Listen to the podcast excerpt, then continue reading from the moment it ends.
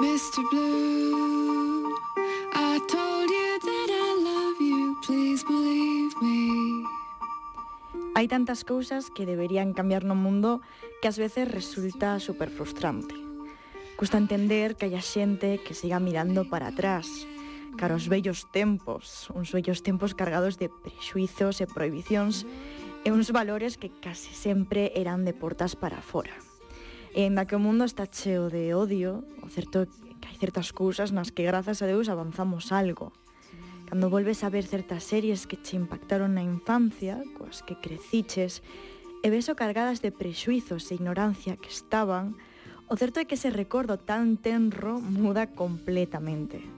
As series que no seu momento quizáis foran moi avanzadas, personaxes aos que lles tiñas un especial aprezo, que eran soterradas nun mar de prexuizos e bromas de mal gusto, e non, non somos a xeración de cristal por non atopar gracioso o machismo ou a homofobia. A cuestión é que como espectadora é inevitable reparar na representación que se lle dá a certos colectivos nas series, especialmente nas máis lixeiras, como as sitcoms, E non estamos falando precisamente das que fan parodia deses tipo de comportamentos. É o caso de Friends, unha serie que máis aló das bromas que fagan, que poden ser máis ou menos ferintes, fan un trato absolutamente vexatorio da nai, e digo nai, de Chandler. Unha muller transxénero, que non transexual, que se converte nun dos recursos cómicos máis empregados no arco da personaxe de Chandler. Esta personaxe se presenta en todo momento como ao seu pai, cando non hai dúbida de que se trata dunha muller transxénero e non deixa de ser motivo de burla durante toda a serie. De feito, xa non é que se colla con humor, pero acepten a súa identidade é que non se lles pasa por a cabeza, nin sequera, deixar de consideralo como un home con vestidos. Motivo polo que, pese a ser unha nai excelente e querer moitísimo o seu fillo, Chandler lle deixou de falar fai anos.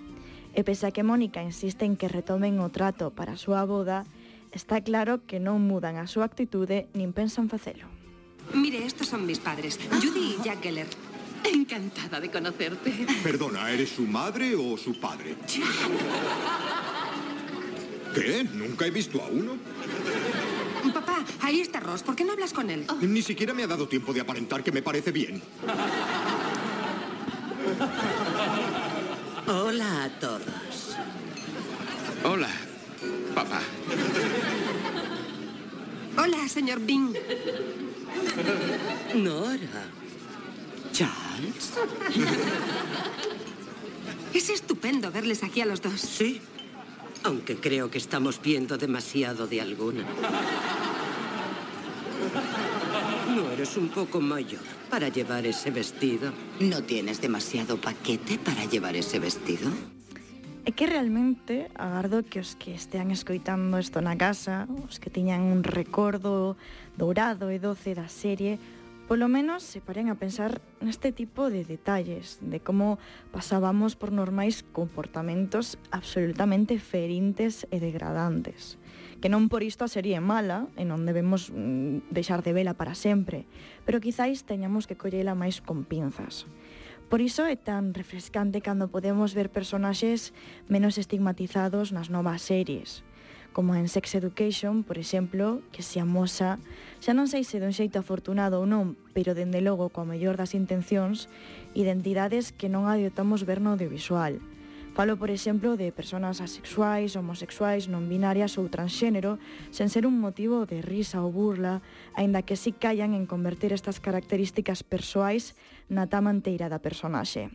Algo que acontece en menor medida en euforia Outra serie que penso que sí foi creada cunha boa intención no fondo, canto menos se falamos de Jules, a coprotagonista da serie, unha moza transxénero cunha historia e trama que non se resume exclusivamente a isto, aínda que evidentemente estea presente, porque a realidade da xente trans segue sendo unha loita pola súa simple existencia.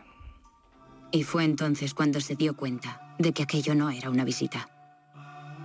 Sino un maquiavélico plan para ingresarla en un puto hospital psiquiátrico. Mamá. Mamá. Mamá. No, no, no, no.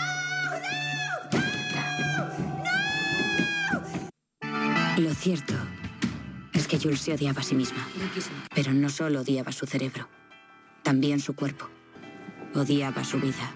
No es que fuera mala, pero cuando no soportas tu cerebro ni tu cuerpo, cuesta disfrutar de lo demás. Así que desarrolló ciertos mecanismos para sobrellevarlo, ninguno de ellos saludable, que acabaron llevándola allí. Non sei, quizáis deberíamos facer unha reflexión sobre o audiovisual que producimos e o que consumimos.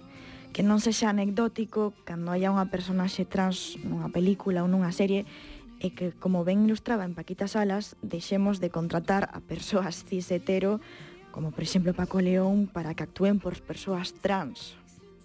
Nada, que, que espero que estés contenta, que gracias a ti el corto ya no se va a hacer. Eh, que a mí me suda el coño lo que hagáis o no con el corto, ¿vale? O sea, empezando por ahí. Siguiendo porque es que no tenéis ni puta idea de lo que es ser trans. ¿Sabes cuántos años estudié interpretación? Diez años. ¿Sabes cuántos casting he hecho? Uno. Para hacer de puta trans y figurante. Así que hasta que yo no tenga acceso a los papeles que hace Lidia, voy a seguir luchando para que me llamen a mí y a mis compañeras antes que llamar a alguien como Lidia y ponerle un bigote postizo. Lo siento mucho por luchar por mis derechos, pero es lo que hay. Ahora tengo una función que hacer, ¿te vas? Oye, por cierto, una última cosita. Antes has dicho que una actriz que no trabaja no es una actriz. Pues ¿sabes qué? Que una actriz que no trabaja es una superviviente. É que ao final é difícil de comprender quen se opón o que non lle incumbe en absoluto, que ninguén debería ter medo por existir, e que os que sí que estamos na norma somos parte do problema e, por tanto, deberíamos revisar as nosas actitudes e, sobre todo, non pechar os ollos o que vai máis alá dos nosos fuciños.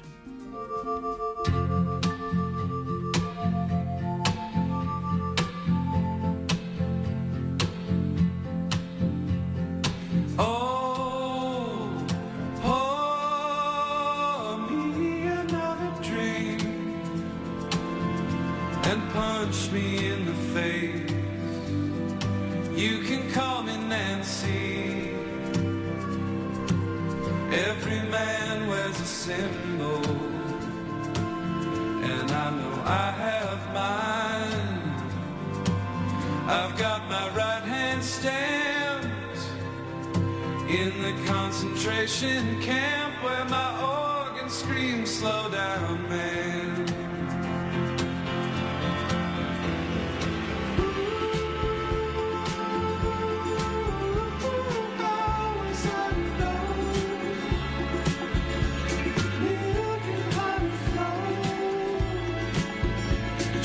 couple states below.